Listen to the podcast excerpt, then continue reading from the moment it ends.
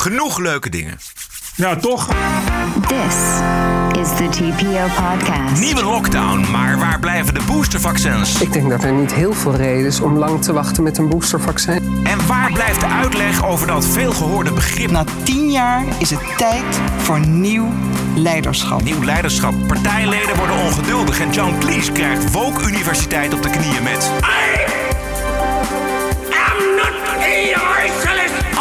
299. Ranting and Reason. Bert Bresson, Roderick Phalo. This is the award winning TPO podcast.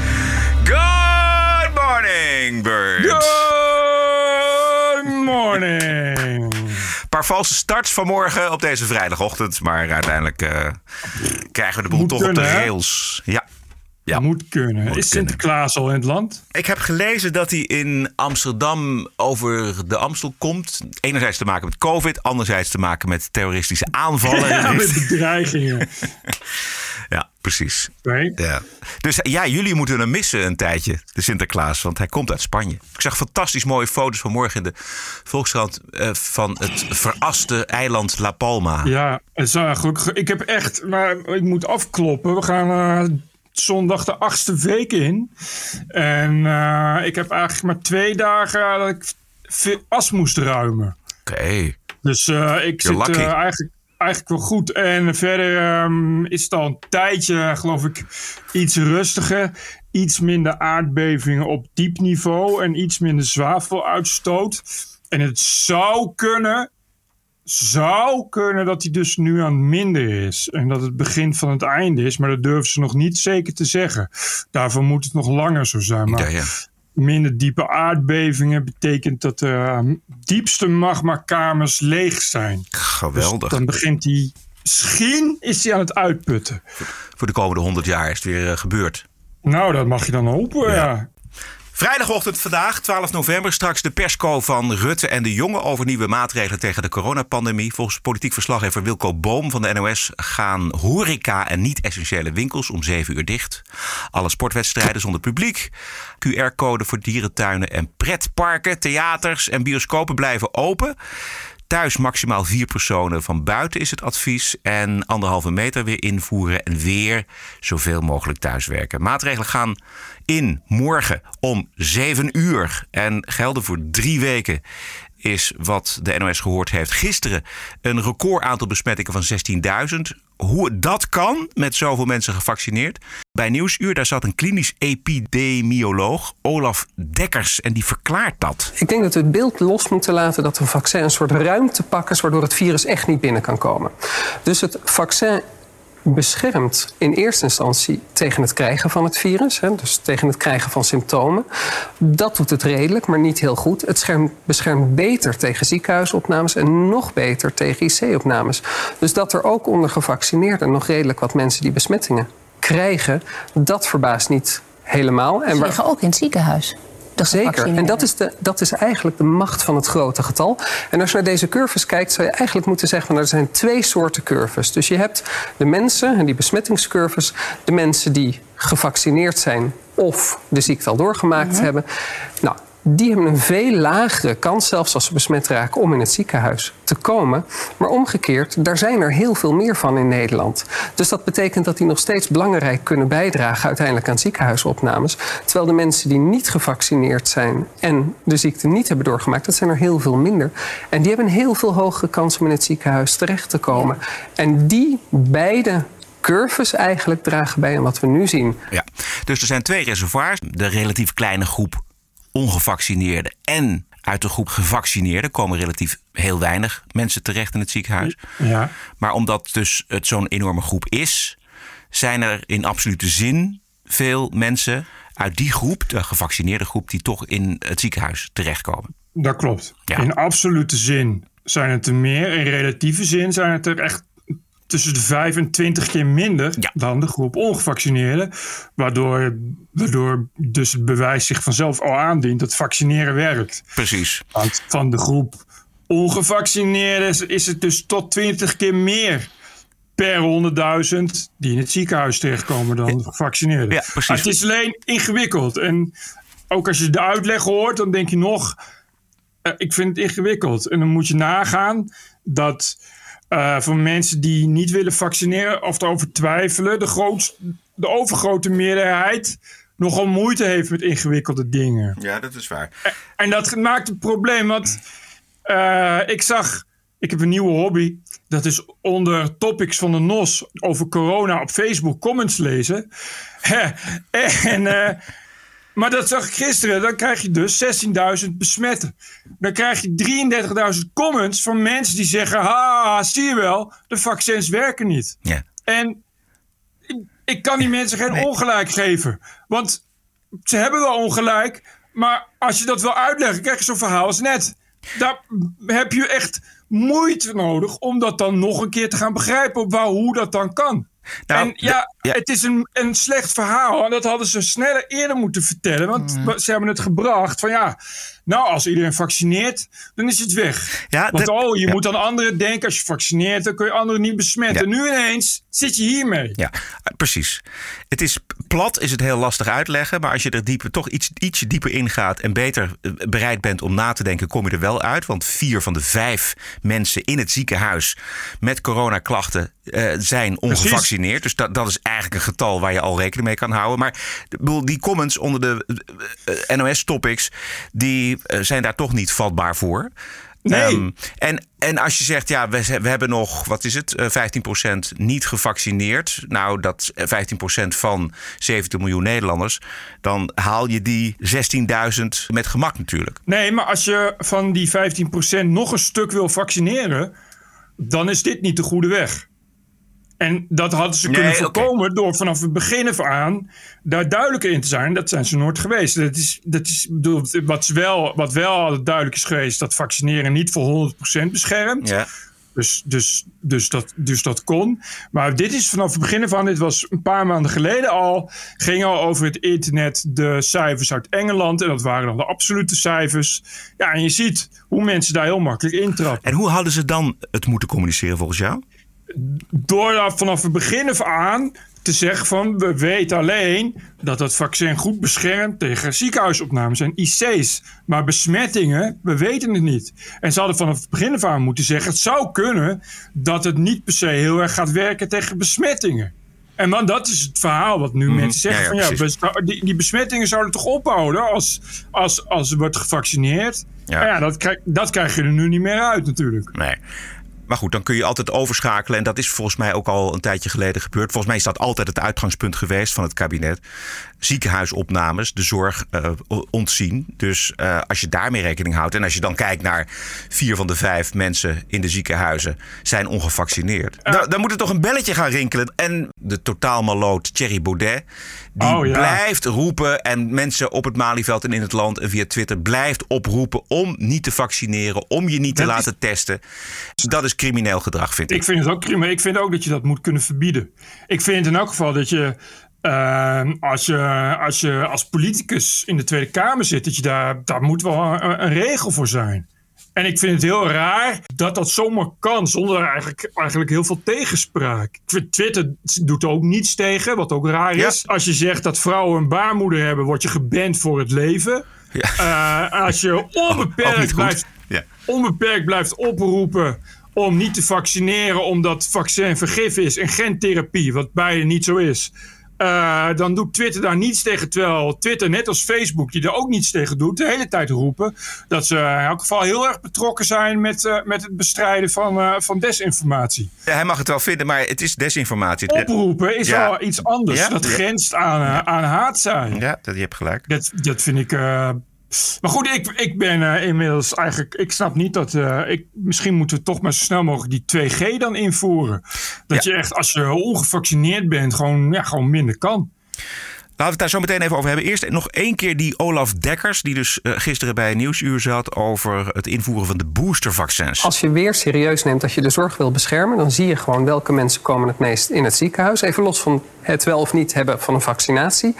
Betekent dat je vooral ziet dat de oudere mensen het eerst eh, en het meest in het ziekenhuis komen. Dus die zijn het kwetsbaarst. Die zijn ook het eerst inderdaad gevaccineerd. We weten dat vaccins vaak over de tijd iets minder gaan werken. Ik denk dat er niet heel veel reden is om lang te wachten met een boostervaccin. In ieder geval de oudere populatie en de kwetsbare populatie. Dat is het boostervaccin. Er liggen dus 1700 COVID-patiënten in de ziekenhuizen, waarvan ruim 300 op de IC. Verreweg de meeste hebben geen vaccinatie. En in delen van Duitsland en Oostenrijk wordt er inmiddels een hard onderscheid gemaakt tussen gevaccineerden en ongevaccineerden. Nou heeft Oostenrijk iets van 67% vaccinatieniveau. dus dat is Ja. dramatisch. Ja, 75 volgens mij. Ja. Ja. Nou ja, goed. En, Zwitserland ook. eh, en dus die kanselier is er ook helemaal klaar mee. Die heeft gisteren gezegd... eh, voor ongevaccineerden gaat het een, een zeer oncomfortabele winter en kerst worden. Ja. En hij heeft van tevoren gewaarschuwd van het aantal besmettingen moet omlaag. Anders ga ik nog meer maatregelen invoeren. En dat gaat hij nu dus doen. En dat betekent dat gevaccineerden geen restaurants, en geen bioscopen, geen musea meer in kunnen. Zonder, ja, je kan alleen binnen met een vaccinatiebewijs of een herstelbewijs. Dus als je niet gevaccineerd bent en niet ziek bent geweest, dan, dan ja, word je voor een gedeelte uitgesloten van het dagelijks leven. Ja, die bondskanselier die zegt: Ik zie niet in waarom twee derde van de bevolking hun vrijheid Precies. moet verliezen omdat een derde achterblijft. Voor mij is het duidelijk dat er geen lockdown kan zijn voor ongevaccineerden uit solidariteit met ongevaccineerden. Precies. Ja. Nou, daar heeft hij wel een punt, vind ik. Ja, dat vind ik ook. Het enige probleem is, dat las ik ook, dat las ik volgens mij bij een NOS, die hadden dat aan een, aan een medisch ethicus gevraagd. Die zei van ja, het probleem is als je dat doet, er zijn ook mensen die niet gevaccineerd zijn, omdat ze niet kunnen vaccineren. Ja, ja. Daar kun je een En uitzondering van maken. religieuze, en die sluit je ook uit. Nou, dat is de vraag. Er is een groep, daar kun je zeggen, ik heb een doktersbewijs. Ik kan niet vaccineren. Ja. Want ik ben een dokter, ondertekend dokter. Deze persoon kan niet vaccineren. Hoe doe je dat bij gelovigen? Ja, ja inderdaad. Dus ik bedoel, ja, Ja. een bewijs van de dominee of de imam of zo, weet je. Dus, en het, het geeft natuurlijk problemen. Maar ja, eh, ik geloof dat er wel eh, serieus over wordt gesproken nu. En dat begrijp ik wel. Net, want net als in Oostenrijk is, is een leidende gedachte dat als je mensen zoveel mogelijk uitsluit, er toch echt een push is om wel te gaan vaccineren. Als je kijkt naar de maatregelen die nu op stapel staan. Hè, bijvoorbeeld weer de horeca dicht. Wat ik niet helemaal begrijp, omdat daar in de horeca toch relatief weinig mensen besmet raken. Heb ik eh, Ja. vanmorgen gelezen. Vol- volgens mij zijn er heel veel besmettingen, zijn kinderen op scholen en dat soort dingen. Thuis is de meeste, 55,7% van de besmettingen vindt thuis plaats. Volgens dat locatieonderzoek. Maar horeca maar 2,9% onbegrijpelijk. Raar. Ja. Feest, dat- ja. Feesten ook maar 5,4%. Ehm, maar goed, wa- waar het om gaat is, is de maatschappij op slot zetten ehm, vanwege een grote groep die zich weigert te vaccineren of zo gelooft in de paranormaal genezer Thierry Baudet. En dat zij ontoerekeningsvatbaar kunnen zijn eigenlijk. Als je, als je in Oostenrijk al zegt, ik, ik, ik weiger eh, voor, voor 25% ongevaccineerden de maatschappij op slot te gooien, Ja, dan ja. moet je toch in Nederland moet je dat al helemaal zeggen als het nog maar 10% is. Dus Ja. ik bedoel, weet je, als, het in, als ze het in Oostenrijk al doen, dan moet je het hier al helemaal doen. Maar ja, eh, ik begrijp natuurlijk de weerstand, ik begrijp natuurlijk de problemen, maar het houdt een keer op. TPO Podcast. Volgende week is het digitale congres van D66. En een groeiend aantal partijleden wordt heel erg ongeduldig over het zogenaamde nieuwe leiderschap van opperste Kaag. Ik zou niet weten wat de invulling van dat nieuwe leiderschap is, zegt het Rotterdamse partijlid Casper Jongeling in het Parool. D66-lid Gerda Oskam die wrijft Kaag in dat zij als lijsttrekker tijdens de campagne over nieuw leiderschap eh, het had over andere samenstelling van het kabinet en andere keuzes, andere prioriteiten, maar nu toch weer onderhandeld met VVD, CDA en ChristenUnie. En ondertussen wil het eh, D66-bestuur ook niet reflecteren op de manier waarop partijvoorlichters het gerucht de wereld inhielpen dat informateur Johan Remkes een slok op had. Dus het wordt een gezellige online bijeenkomst volgens mij volgende week. Ik wou net zeggen, daar zullen ze wel blij mee zijn. Ja. Ja. Maar vooral Nee, dat, ja. dat, dat nieuwe leiderschap, dat komt als een boemerang terug in het gezicht van Kaag. Laten we even luisteren of wij eruit kunnen komen wat Kaag bedoelt met nieuw leiderschap. Nederland is er klaar voor. Na tien jaar is het tijd voor nieuw leiderschap. Het is tijd voor een nieuw Nederlands perspectief. Oké, dus dat is een nieuw Nederlands perspectief. Zijn we nog niet heel Ja. veel wijzer. Het is tijd voor nieuw leiderschap. Voor iedereen in Nederland. Oké, toch applaus voor nieuw leiderschap. Maar we zijn nog niet heel erg veel wijzer. Nog een laatste poging. Een nieuw leiderschap, eh, zeker eh, in Nederland, daar bedoel ik mee. Een leiderschap wat visie durft uit te spreken, stippen op de horizon. Wat een politiek bedrijft waarin je de moeilijke keuzes durft te maken en draagvlak creëert, omdat het vaak ook door het leiderschap zelf moet worden gedaan. Eh, Ik denk daarbij vaak aan Angela Merkel, maar ook een Jacinta Ardern, die dat doen. Die kijken niet, oh, hoe zit hè, de bui in het land, hoe staat dat? En dan, oh, dan maak ik mijn beleid daar wel op. Op de moeilijke maatschappelijke vraagstukken eh, is het vaak zo dat je zelf keuzes moet maken. Je kunt niet alles uitpolderen.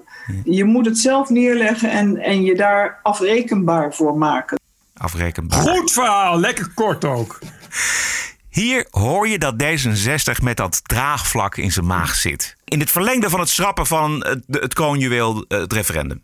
Waarin je het volk kwesties voorlegt. Nee, Ja. nieuw leiderschap is niet luisteren naar het volk. Is zelf oplossingen bedenken en die dan zonder draagvlak doorduwen. Of in Ja, dat is nieuw leiderschap. En dat is dan het nieuwe leiderschap. Dus bijvoorbeeld dat, die klimaatregels niet checken bij de bevolking, maar gewoon opleggen. Volgens mij is dat nieuw leiderschap. Ja, dat zijn stippen op de horizon. Kijk, als je het volk vraagt, dan eh, die gaat geen stip op de horizon zetten. Dat moet je dus, dat moet de leider doen. Dus dat is Nou, dat ik. En ik begrijp ook wel dat het, de zenuwachtigheid in Den Haag bij voorlichters, of ze, of ze het allemaal wel goed doen en of die politici nog wel, of ze nog wel populair genoeg zijn, dat dat, dat een iets heel verkrampts krijgt en vervelends en zwabberigs. En dit kabinet, demissionair of niet, kun je toch niet echt van visie betichten. Nee, Hè, dus dus een, een beetje een stip op de horizon. Maar dan zou ik de volgorde omdraaien als je een echte democraten bent. Maar je kunt Ja. niet zeggen, eh, verkiezingen zijn geweest. eh, we gaan eens eventjes een klimaatakkoord in elkaar flanzen. En dan zeggen wij van nou, daar gaan we heen zonder verder overleg. Niet kijken naar wat er leeft onder de bevolking en het debat afwachten. Nee, het is zeggen we gaan daarheen los van het draagvlak. ja. Zo. Ja, ik bedoel, je hebt helemaal gelijk, Roderick. Maar eh, Ja. eh, ik ben het verder mee eens. Ik zou niet weten wat ik daarop moet zeggen. Nee. Ik begrijp verder ook niet waarom mensen telkens D66 stemmen. Zal ik maar zeggen. Ik bedoel, dit klopt, maar dit had je ook wel een beetje kunnen zien aankomen. Dit is ook een beetje wat eh, D66 eh, onder leiderschap staat, al, verstaat al jaren. Namelijk een elite die voor zichzelf bedenkt wat goed is, waar ze zelf het minste last van hebben, zodat ze dat bij anderen die er meer last van hebben kunnen doorduwen. Dat is een beetje het idee van D66, denk ik. Ja. Maar dat is dan blijkbaar toch nog niet voldoende voor een hoop D66-leden. Die zeggen, we zijn er een beetje klaar mee. We willen weten wat Kaag bedoelt met dat nieuw leiderschap. Het is ons allemaal Oei. te vaag. Nou, die zullen binnenkort wel verdwijnen. Of zo. ik zou niet zomaar een beetje tegen Kaag ingaan, want het kon wel slecht aflopen. Hoe gaat het eigenlijk met Sjoerd Sjoerdsma? Ik heb nooit meer Ja. eh, iets van gehoord, Ja. hè? Nee. Het is heel stil, eh, heel lang heel stil bij Sjoerd Sjoerdsma in de buurt. Ik zag hem laatst wel één keer op televisie over een heel ander onderwerp. Dus hij is wel on his, on his way back, zullen we zeggen. Die zal wel een kort lijntje lopen nu. Je moet zich, elke dag moet hij zich 's ochtends en aan het eind van de dag melden. Bij D66-Kamerfractie. We moeten het even hebben over eh, de provincie Gelderland en de commissaris van de Koning daar. Eh CDA John Berends. De heer Berends is bijna drie jaar commissaris en heeft vorig jaar tegen de Gelderlander gezegd dat het de hoogste tijd wordt om zijn stempel te gaan drukken op de provincie en op de politiek. En hij zei: Ik houd wel van een beetje hitte in de politiek. En deze week kreeg PVV-staatslid Marjolein Faber, die wel vaker het met hem aan de stok heeft, de hitte van de heer Berends om de oren. Voorzitter, rond de provincie hangt een netwerk van allerlei organisaties die op afstand graag een graantje meepikken uit de provinciale schatkist. Nu ik het net toch over cultuur had, licht ik zo'n elitair clubje eruit. Het Prins Bernhard Cultuurfonds. Een moment. Ik vraag me af waar u een beetje last van heeft op dit moment. Dit is de commissaris van de Koning. U draaft echt door. U neemt iedereen de maat, behalve uzelf. Ik sta er echt versteld van wat u aan het doen bent. Nou, ik Ja, u neemt echt op een onbehoorlijke manier mensen de maat of instanties. Nou, ik mag ja, het hier toch... Oh, ik mag... geef- ja, nee, ik schrik nergens van meer. Ik geef het woord graag aan de heer Van der Veer. Jezus man, het is klaar, zegt hij. Ja. Het is klaar. Ja, en hij is, hij is nog niet klaar. Ja, maar ik heb het hier over het cultuurfonds, over Ja, het Prins Bernhard Cultuurfonds. Mag je ik het daar ik- ook niet meer over hebben dan? Nee, de zin die je daarvoor Niet? uitspreekt. Ja, waar mag je het wel over hebben, maar niet de manier waarop je dat doet. Oh, over, die, over die duizend Afghanen die met een dieseltank in, in He- Heumersoord Nee, nee, kamperen. Die, in feite, het is- ik heb dat u is gehoord tegen onze verordening. Er zijn, de vorige keer waren er meer dan 30 milieudelicten in een Ja, ja. watergebied. Ik En daar mogen we daar- het niet over hebben. Ik complimenteer je over je vasthoudendheid hoor, maar wel op het verkeerde onderwerp. Ja! Wat vind je van deze arrogantie? Ja, hij zal zelf ook wel eh, in het Prins Bernhard Cultuurfonds zitten. Die kans is groot, lijkt me. Ja. Jezus, ja. Dit is... eh, dit is ehm, nou, regenteske wordt het niet bij het CDA, denk ik. Dit is een hele rare ingreep van een voorzitter van een debat. Dat moet je ook vooral bij de PVV doen. Een goed idee. Ja, en het gaat hem dus, hij zei op een gegeven moment, ja, het gaat om de zin ervoor. En hij bedoelt deze zin. Rond de provincie hangt een netwerk van allerlei organisaties die op afstand graag een graantje meepikken uit de provinciale schatkist. Ja, Dit, dit, dat, dit is, dan. dat is toch waar? Ja, dat is bij elke provincie zo. Precies, dat is verder een, een, een voldongen feit. Ik snap niet, mag dit zomaar? Je kan toch niet zomaar iemand het woord ontnemen? Nee, nee ik vind het ook is- dat is heel raar. Ja, Verre van democratisch op deze manier. Ja. Want ik, ik, wil, ik ben verder, eh, wil ik wel horen wat eh, mevrouw Faber te zeggen heeft. Ik noem maar wat. ja, ik heb even gekeken op. ja, het wordt lastig.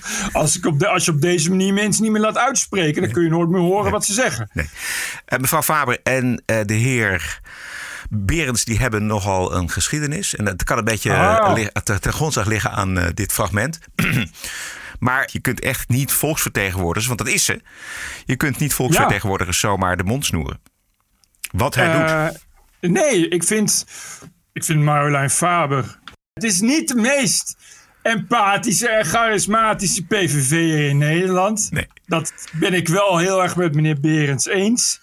Maar ja, eh, het is een democratie of het is het niet. Je kan niet gaan zeggen: ik ga mensen niet meer laten uitspreken, want ik vind het Ja, stom precies. wat ze zeggen. Ja, dat kan echt Dus niet. ja. ja. Dan moet hij, dan moet hij mee ophouden. Nou, anders moet hij, eh, moet hij dijkgraaf gaan worden of zo. Of Iets, iets anders. Heeft vast een leuk clubje ergens die je wel aan een ander baantje kan helpen. Dat zal het probleem niet zijn bij deze CDA. Dus dan moet hij leuk iets anders gaan doen als het hem niet bevalt.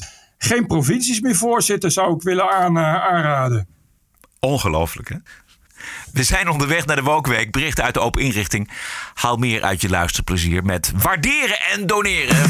De TPO-podcast zit niet achter een betaalmuur. Hij is vrij verkrijgbaar, twee keer per week. Maar hij wordt niet kosteloos gemaakt. Er gaat tijd, liefde en noeste arbeid in. Dat geeft de podcast waarde. Hoeveel waarde? Dat bepaal jij. Een biertje in de kroeg kost je zeker 3 euro. Een tosti daar 5 euro. Een maandje Netflix is al 14 euro. Wat is de TPO-podcast je waard? Ga naar tpopodcast.nl en doneer. Keep the show running. Want wat geen waarde heeft, is geen blijvertje. Dus ga naar tpopodcast.nl en doneer. Dank! Het is tijd voor het nieuws uit de open rights. TPO Podcast. You're an adult. Grow up. Deal with it. I don't care. care. Wat een ochtend. Dit zijn de berichten uit de open inrichting dus. Overwinning van de reden tegen Woke. Afgedwongen door John Cleese.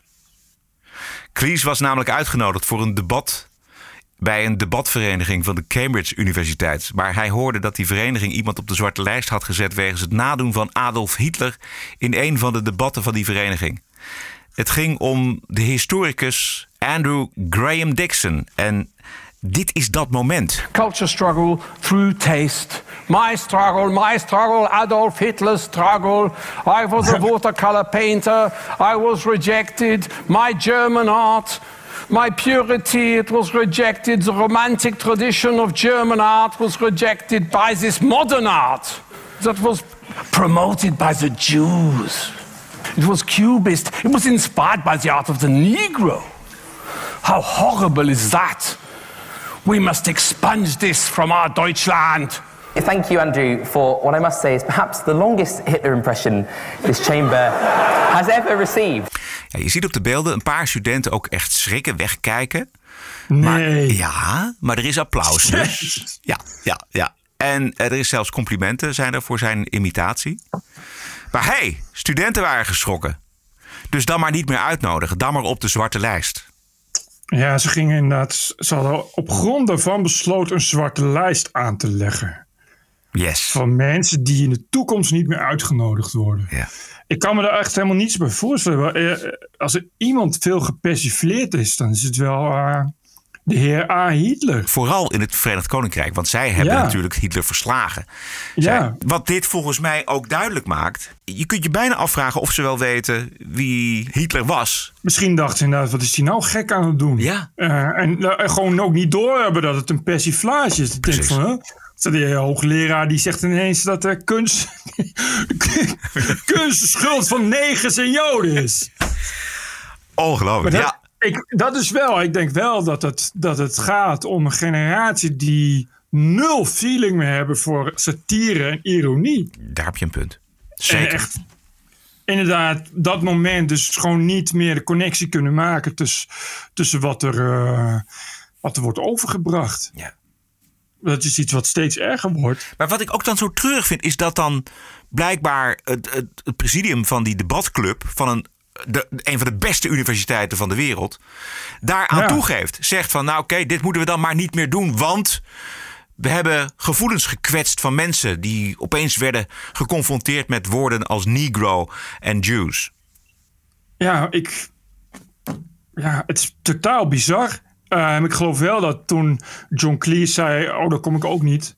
Want die heeft natuurlijk ook wel eens Hitler nagedaan. Zeker, lu- luister maar. socialist.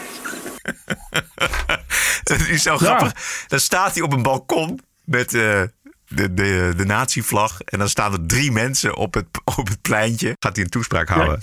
Het ik ken de sketch. Extreem grappig. Wij wel. Ja. Ik denk dat er een hele generatie is van niet. Anyway, eh, die heeft gezegd van, oh, nou kom ik ook niet, want ja, eh, anders word ik ook gecanceld, dus ik kan beter mezelf cancelen. Ja. En toen hebben ze bij Cambridge gezegd van, eh, oh, dan gaan we toch maar weer niet de zwarte lijst aanleggen. Dus het werkt wel. Ja, Tegen cancelen werkt kennelijk. gewoon. Ja, ja, ja. En, en ook als John Cleese het doet, bedoel. Ja. Het is natuurlijk geen kleine naam, dat scheelt. Precies. Dus- Maar ja, het is wel een- een begin. En misschien moeten we dan meer kijken naar als je ergens voor wordt uitgenodigd, of dat niet te woke is. En als het wel te woke is, dat je dan gewoon zegt van, nou ja, maar sorry, jullie hebben dat, dat beleid, daar heb ik geen zin in. Weet je wie dat deed? Hoe heet die? Van, eh, die schreef eh, Het Land van Aankomst. Oh ja, Paul Scheffer. Paul Scheffer deed dat. Die was uitgenodigd bij de Universiteit van Tilburg.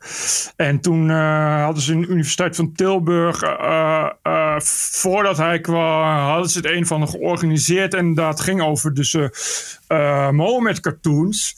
En daar zat een, eh, een flyer bij met een of andere cartoon. En die zijn toen weer verwijderd. Omdat het anders kwetsend zou zijn voor de studenten. En toen heeft Paul Scheffer gezegd, oh, dan kom ik ook niet. Oh, wat goed. Want als jullie niet aan vrijheid van meningsuiting Ja. doen, dan hoef ik niet te komen. Ja, ja. Dus het, dat, dat eh, gebeurt. Dat, dat, maar ik vind inderdaad, dat moeten meer mensen doen. Dat moeten maar eens inderdaad. Eh, kijk, want dat zijn gewoon de consequenties. Exact. Als je, als je besluit om, eh, om, om eh, vrijheid van meningsuiting in te perken, of mensen niet te vragen, ja, dan, dan zul, je, zul je daar ook rekening mee moeten gaan houden. Dat dat dus inderdaad dingen gaat kosten. de NPO en redacties, krantenredacties, die moeten natuurlijk een bepaald quotum halen wat betreft inclusie en diversiteit. En er is een boek over racisme. En als er een boek over racisme is, is dat heel erg welkom om die quota te halen. En als je dat dan ook nog het antiracisme boek noemt, dan staat de telefoon van de uitgever rood natuurlijk, want al die eh, redacties die willen dan een interview. Ja, Zij heet Chanel Mathilde Lodic en die heeft dat boek geschreven. Eh, niet helemaal toevallig, want zij heeft ook een bedrijfje in antiracisme cursussen. Met Goh. de naam Meer kleur in de media. En gisteren stond er een groot stuk in het Parool. En op Radio 1 was er een interview met haar. Een paar korte fragmenten. Eerst de onmogelijkheid om geen racist te zijn. Er zijn denk ik heel veel mensen die zullen denken: ja, ik ben geen racist. Eh, dan ben jij stelliger. Van heel veel mensen zien zichzelf niet als racist. Klopt. Maar zijn we het allemaal of hoe kijk je daar tegenaan? Nou, we leven in een maatschappij die gefundeerd is op het idee van racisme. Die gefundeerd is op het idee van een rangorde van eh, verschillende menselijke rassen. Ja, precies. Dus u leeft in een racistische maatschappij, zegt deze mevrouw. Ja. En om die reden is het ook onontkoombaar om geen racist te zijn. Nee, het is makkelijk zo. En dan hebben we het natuurlijk met name over het gevoel van superioriteit bij blanke Nederlanders. Want racisme gaat over de macht van de een over de ander. En mevrouw Lodik die heeft net geconstateerd dat er al overal racisme is. En macht is een inkoppertje natuurlijk voor de presentatrice Giseline Plag. Maar gaat het echt ook om die machtspositie? Hè? Het gaat inderdaad om die machtspositie. En het is uh, dus niet ook alleen hey, jezelf superieur voelen aan een ander. Uh, het zijn ook de hele subtiele dingen. Uh, soms voel je jezelf superieur aan een ander en dan heb je het niet eens door. Maar als je dat niet door hebt, dan hoe kan je dat dan vinden? Nou ja, het antwoord is natuurlijk heel simpel. Via een cursus onbewuste vooroordelen bij het bedrijfje ja. van de auteur van het antiracisme handboek. Onbewust verheven kunnen voelen. Hè? Want een vrouw moet op een zich op een bepaalde manier gedragen. Bescheiden zijn. Uh, niet zo direct. Niet zo assertief. Uh, maar bij mij hebben ze toch nog... Ja, uh, ze. Wat meer het gevoel dat ik nog nederiger zou moeten zijn. Dus zeg maar. Het zit zo ingeweven in ons systeem dat we het misschien helemaal niet bewust ons beter voelen dan Kijk, een ander. Precies. Maar dat het zich wel zo uit uiteindelijk. Ja, en dat het gedrag is zoals we geprogrammeerd zijn. Ja, precies. Ja. Oh, wat makkelijk. Aannames, aannames en nog eens aannames. Los van het Prachtig. feit dat we dit verhaal sinds. Gloria Wekker en Sunny Bergman al 110.000 keer gehoord hebben, klinkt er niet één originele of kritische vraag. Kloppen al die aannames van u over de racistische maatschappij wel? Waar baseert u dat allemaal op? En hoe is iedereen dan racistisch?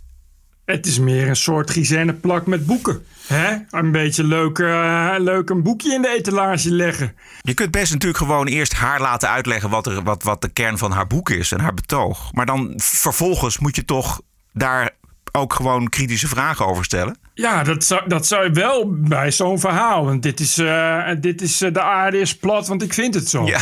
Iedereen moet dat vinden. Waarom dan? Nou, omdat dat, eh, iedereen dat eigenlijk onbewust toch al vindt. Dus dan is het beter als iedereen het vindt. Ja, dus dan niemand die dan zou zeggen... oh, goh, goed verhaal, ga verder. Nooit. Als je dat bij racisme doet, dan is het... oh, prima. Ja. Dan zal dat wel zo zijn. Dan zal dat wel zo zijn. Nog één fragment, want Paul de Leeuw zit ook in de studio en die is ook Oh. echt totaal verwookt. Ik ben een enorme fan van The Real Housewives of Beverly Hills. Dan hebben over een van die vrouwen zegt: ik, ik zie geen kleur. Daar gaat het juist om. Precies. Je moet de kleur wel zien. Je moet wel de kleur. Dat, vond ik, dat was mij een eye-opener. We kijken dus naar een reality soap om een eye-opener te hebben. Maar ik zie geen kleur. Maar, dus ik ben niet racist, want ik zie geen kleur. Nee, je moet juist de kleur zien en die ook eh, meenemen met jezelf, met je eigen leven. Dat vond ik zo'n eye-opener. Ja, er zit ook wel een stapje. Je hebt het over niet racistisch zijn, is wat anders dan antiracistisch zijn. Precies. eh, niet racistisch zijn, dat betekent dus dat je nog niet aan het strijden bent tegen racisme. Op het moment dat je ook denkt dat je niet racistisch bent, het gaat ook over wat doe je in jezelf. Bestrijd je ook de racisme in jezelf. En daarom zeg ik, je kan nooit zeg maar klaar zijn. Je kan nooit een hele bondgenoot zijn, want je moet altijd doorgaan. Het is een marathon zonder finish. Een marathon zonder Mooi, finish. mooi, mooi, en dan mooi, zijn we mooi. weer bij de critical race theory. Het houdt namelijk Heel nooit goed. op. Je kunt als Nee. blanke niet, Nee. niet racistisch zijn. Nooit. De erfzonde blijft altijd bestaan. Er is altijd werk aan de winkel. Ja. Voor mijn bedrijf in de cursussen diversiteit en onbewuste vooroordelen. En het mooie is dat je daar als zwarte vrouw hoef je niks te doen. Blanke moet zich dan, eh, ja, die moet gewoon een hele leven strijden om beter te worden. En zelf hoef je dan niks te doen. Deze vrouw heeft zelf helemaal niks om aan te werken. Die is helemaal, helemaal af, is. Die is een ultieme goede persoon en daar moeten we ons allemaal naar verhouden. Eh, het liefst door heel veel van haar boekjes te kopen en cursussen te volgen. Kies dan voor de vorm een andere positie. Stel dan gewoon e- één of twee kritische vragen. Ik weet nog hoe Paul de Leeuw ooit grappig was. En nog erger dan geen stijl. Hoe alles de schuld van de verhuftering in de maatschappij allemaal de schuld van Paul de Leeuw was. Dat is toch al eh, nog niet eens heel lang geleden. Kun je zien hoe snel dat gaat, hè? Ja, precies. Want hij zegt, dat zegt hij ook in dat gesprek. Hij zegt ook van, eh, ik, ik denk ook sneller na over, kan ik dat allemaal wel zeggen? Ik denk het wel, Eh. maar ik zeg het dan niet. Paul de Leeuw is dan in die zin de vaandeldrager van Vreselijk. de nieuwe censuur. Vreselijk. Wat de opgelegde hoofddoek en vrouwenonderdrukking in de islam niet lukt, dat lukt met het abortusstandpunt van eh, het Nou. christendom wel. Namelijk vrouwenrechtenactivisten op de achterste benen krijgen. Bij de reclamecodecommissie regent het klachten over een reclame voor de anti-abortuscampagne Week van Leven. En dit is dat spotje. Baas en eigen buik? Bekijk het eens van de andere kant. En vergeet het baasje in eigen buik niet. Het is een uniek mensje met eigen DNA, een eigen hoofd en dus ook een eigen buik. Zullen we werk maken van echte hulp aan moeder en kind? Kijk op weekvanhetleven.nl. Oei, vreselijk. Mensen met een mening die vragen om het eens van de andere kant te bekijken. Ik ga meteen klagen bij de reclamecodecommissie. In de hoop dat dit weer gecensureerd wordt van de radio. Want we moeten niet willen dat iedereen vrijheid van meningsuiting heeft. En zomaar zijn mening kan uiten in de eten. Het gaat, Ja, het, gaat, het gaat maar om 120 klachten bij elkaar getrommeld door Tim Hofman. Nee, al bijna 700. Ah! Bij de reclamecodecommissie, die overigens zegt van het maakt niet uit hoeveel klachten er zijn. Ja, we, precies, we ja. behandelen iedereen alles hetzelfde. En de ster heeft al gezegd van wij doen een vrijheid van meningsuiting. Dus we gaan geen reclame van tevoren censureren omdat we het er niet mee eens zijn. Bij de ster zijn ze slimmer dan al die enorm inclusieve en open progressieve mensen. Behalve dan als je tegen abortus bent, want dan moet je kapot. En de, eh, er wordt nog niet eens gezegd, eh, het moet afgelopen zijn met abortus. Er wordt in het spotje en in- wordt alleen maar gezegd, denk, eh, denk er nog eens over na. En niet dat dat niet gebeurt, want het is een besluit waar lang over na wordt gedacht. En wat volgens mij bij de meeste vrouwen en mannen... Maar de ophef hierover. Ja, dat. je, dat, je, dat je denkt van wat is het fucking probleem? Want Het is niet dat ze zeggen we willen een ander beleid. Of we gaan bij abortusklinieken mensen tegenhouden. Of abortus moet verboden worden. Want je hoort zijn mensen die zeggen nou ik heb daar anders over gedacht. En dat wil ik dan met je delen. En dan je hoeft niet naar die site te gaan hoor. En als je het wel doet, ik heb het wel gedaan. Is het nou ook niet zo dat je zegt van poepoe. Vreselijk. Wat een leugens. Het zijn gewoon meisjes, jonge vrouwen die zeggen: Nou, eh, ik was ook niet gelovig, maar ik was zwanger. En ik dacht van misschien laat ik het toch maar houden, want et cetera, et cetera. Ik heb het idee dat, dat, dat, dat, soort, dat soort Tim Hofmans en Claudia de Brijs en Rob Jettens en, en al die andere D66 en progressieve types, die zijn gewoon heel erg onzeker over hun abortusmening. En die komen daar zelf misschien ook niet helemaal uit. En die zeggen, nou ja, het is dan goed dat het dan allemaal al wettelijk geregeld is. Dan hoef ik er zelf niet over na te denken. En die denken dan van, ja, ja, straks gaan andere mensen daar wel over nadenken. En dan komt er misschien wel iets anders uit dan wat ik gewend ben. Dus die zijn gewoon niet zo heel erg zeker van hun eigen standpunt. wat natuurlijk niet zo raar is, omdat het, ja, het is zo'n lastig ethisch standpunt. Waar, waar natuurlijk nooit 100% een waarheid in te vinden is. En dat is gewoon vervelend voor die mensen. Dat snap ik, dat snap ik ook wel. Tim Hofman wordt daar gewoon heel zenuwachtig van. Maar het is Ik voor kan hem daar niet zo goed tegen. Nee, maar het is voor hem ook een heel fijn moment om weer eens eventjes duidelijk eh, te maken dat hij zo ontzettend begaan is met vrouwen en Nou. de rechten van vrouwen. De rest van het jaar hoor je hem niet als, eh, als het gaat over andere onderdrukkingen in Nederland van vrouwen. Maar als, Nee, dat als, is als, nou als abortus in de discussie komt, dan, eh, dan zul je hem daar weer zien. Dat vind ik dan mooi. Dat er dan zijn er dan eh, 200.000 SGP'ers die nooit iets zeggen over abortus. En die zeggen dan een keer iets over abortus. Oh, vrouwenonderdrukking. Terwijl ik denk van nou, misschien moet Claudia de Breij eens gewoon in de gemiddelde moskee gaan vragen wat de islam van abortus vindt. Ik weet wel wat de islam van abortus vindt, namelijk hetzelfde als de SGP. Ik heb Claudia de Breij nog nooit gehoord over abortus binnen de islam. Nog nooit. En dan heb je het over vrouwenonderdrukking. Ik heb Claudia de Breij nog nooit zien demonstreren voor een moskee waar vrouwen en mannen gescheiden naar binnen moeten. De verontwaardiging is selectief. Pro-abortus zijn is in Nederland echt een religie geworden. Daar mag je ook niet. Het is niet de bedoeling dat je daar, nog, da- daar ook nog lang over nadenkt. Dat is zo en het moet zo blijven voor eeuwig. Wat, wat heel raar is, maar goed. Eh, en, maar ik vind. je, Die Tim Hofman gaat dan mensen oproepen. Om dan naar de reclamecodecommissie te schrijven. Ja, dat is gewoon cancelen. Dat is gewoon oproepen tot die platform en cancelen. Dat is gewoon slecht. Dan ben je gewoon een domme lul. Tim Hofman. Domme lul. Daarom zit hij in de wolkwerk. Goed zo. Oké, nog meer? Nee. What a woke week it was. This is the TPO podcast. We moeten het eventjes hebben over eh, YouTube, want er gebeurt wel iets bijzonders. De dislike-knop van de videocontent, eh, die gaat achter gesloten deuren, zullen we maar zeggen. De dislikes zijn nog wel zichtbaar voor de maker, maar niet meer voor alle anderen, zullen we maar zeggen. En daar is een reden voor. Ja, omdat je, je kan nu zien hoe vaak er is geliked en gedisliked. Eh, en wat je dan krijgt is dat als mensen het niet eens zijn met de inhoud van je video, dan gaan ze massaal dislike. En dan dat zijn, meestal wordt er ook toe opgeroepen. Weet je, zo'n video verschijnt dan op een of ander platform. En je zegt, oh, allemaal disliken. Uh, dus dan heb je video's die heel goed zijn, maar waarvan ze het niet eens zijn met de inhoud. En dan heb je drie, 300 likes en 3 miljard dislikes. Uh, nou, dat is kwetsend, video, vindt YouTube. Uh, dus Onveilig. nu kun je niet het is onveilig worden. Dat is, het wordt een onveilige sfeer. Ja. Uh, en, en, en het klopt, want ze hebben dat dus daarmee getest. Uh, en het blijkt dus inderdaad, uh, zo treurig is het dus, dat als je dus die dislikes weghaalt, als je dus, dus weghaalt dat je kunt zien hoeveel dislikes het hebt, dat dan mensen ook minder gaan disliken. Dus, het is, dus ja, ik bedoel, mensen zijn, uh, mensen zijn snowflakes die graag van cancelen houden. En denken dat je met disliken kunt cancelen. En als ze dan zien van, oh, er zijn heel veel dislikes, dan doe ik er een bij. Dan oh, gaat iedereen niemand die video kijken. Dus, dus dan nu wordt dat onzichtbaar. Ja. En ik vind dat grappig. Want? Want nu, om, om, omdat, ja, dat, dat, weet je, dus, dus zo, zo, zo bekrompen is het allemaal al geworden. Dat mensen dus elkaar gaan oproepen om een video te disliken. En dat mensen daardoor weer door gekwetst raken, hoeveel dislikes Ja. er staan. Ja.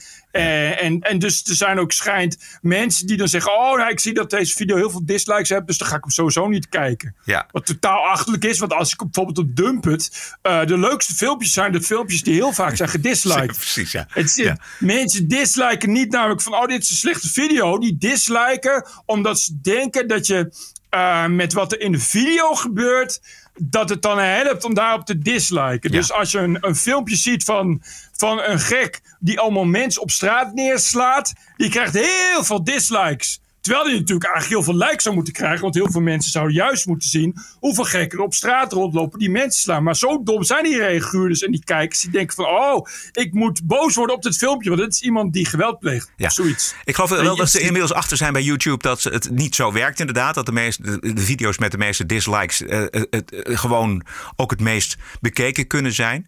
Ik heb even een klein stukje van iemand van YouTube, Matt Koval. Apparently, groups of viewers are targeting a video's dislike button to drive up the count, turning Yep. it into something like a, a, a game with a visible scoreboard.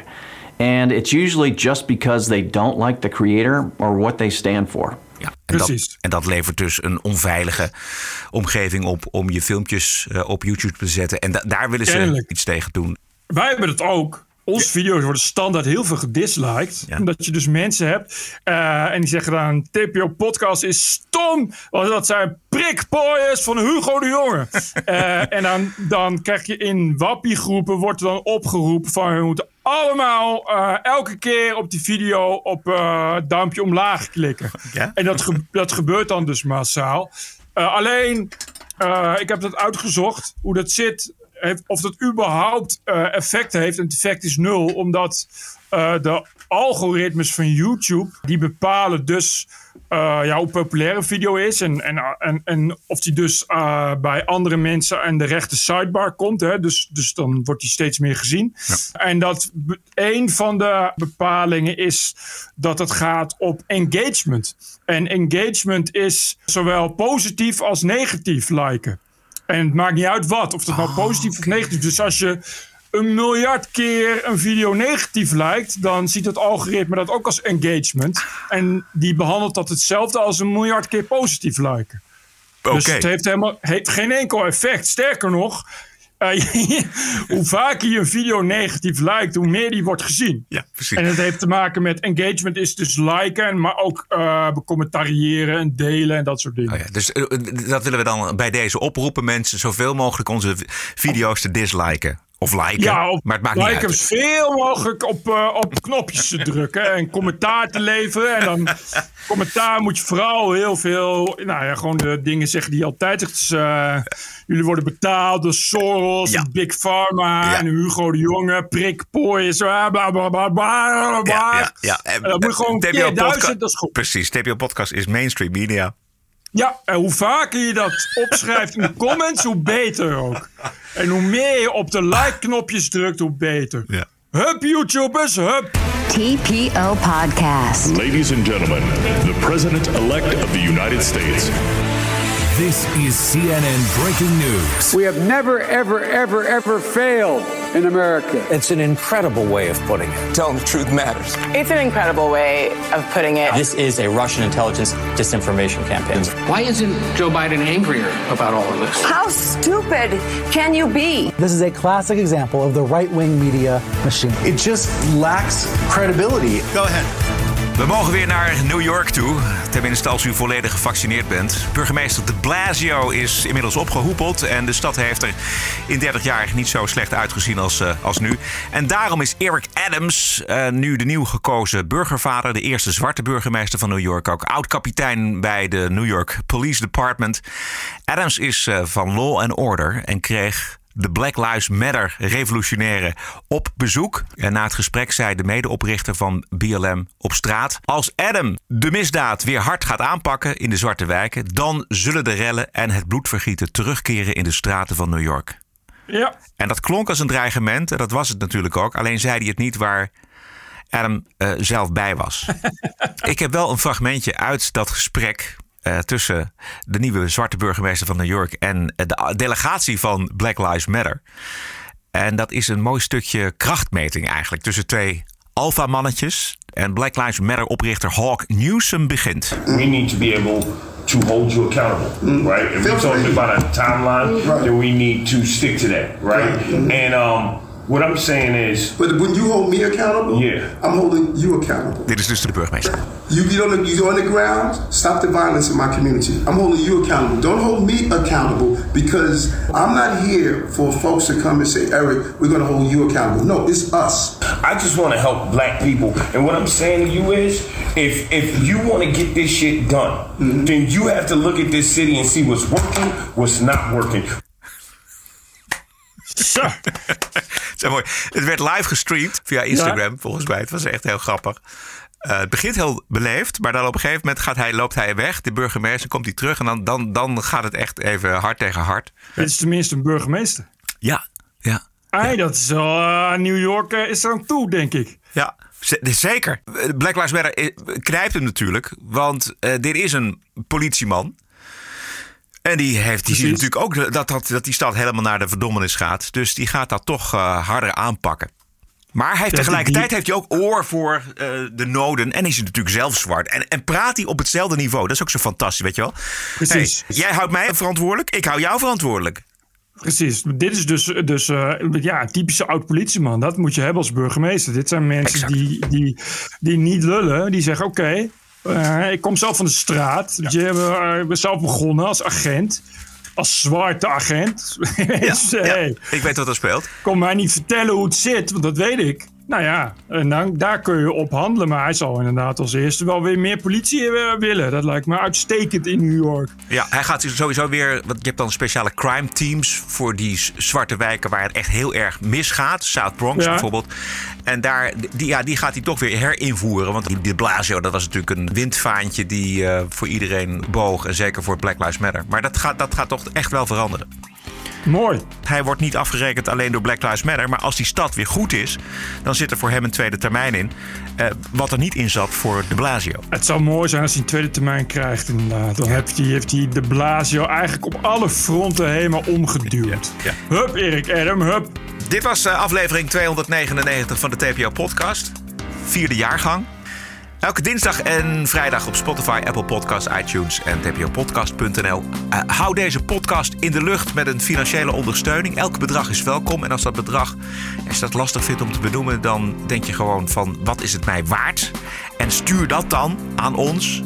Dinsdag zijn we terug met nummer 300. 300! Dat moet toch wel inspiratie geven om te waarderen en doneren, zullen we maar zeggen. Ik zou zeggen, iedereen 300 euro doneren. Gewoon een euro per aflevering. En iedereen, elke luisteraar. En dan uh, ook dat je allemaal mailt om iemand bij naam en toenaam op te roepen om te doneren. Dus dat jij 300 euro doneert en dan mail je. Ik heb 300 euro gedoneerd, want ik heb 300 afleveringen enorm genoten. En daar wil ik graag waarde aan toekennen. Namelijk 300 euro, 1 euro per aflevering. Uh, en ik wil graag Pietje Puk en Marietje de Vries oproepen om ook 300 euro te doneren. Anders zijn jullie stom. En dan gaan wij dat allemaal voorlezen. Juist. En dan, daarna horen jullie ons niet meer. Althans niet over het doneren en waarderen en doneren. Want dan kunnen we weer een tijdje voort. Ja. Ga naar tpopodcast.nl. Daar vindt u precies uitgelegd hoe u kunt doneren. Wij zijn terug dinsdag 16 november. Stay cool! En tot dinsdag. Tot dinsdag, Bert. TPO Podcast. Bert Bruson, Roderick Balo, ranting and reason.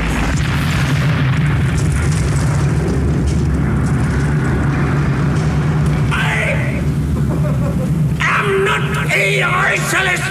Podcasting is the TPO podcast in the Netherlands. Bert and Roderick. What a show. I'm telling you. Keep the show running. Go to tpo.nl slash podcast. Thank you.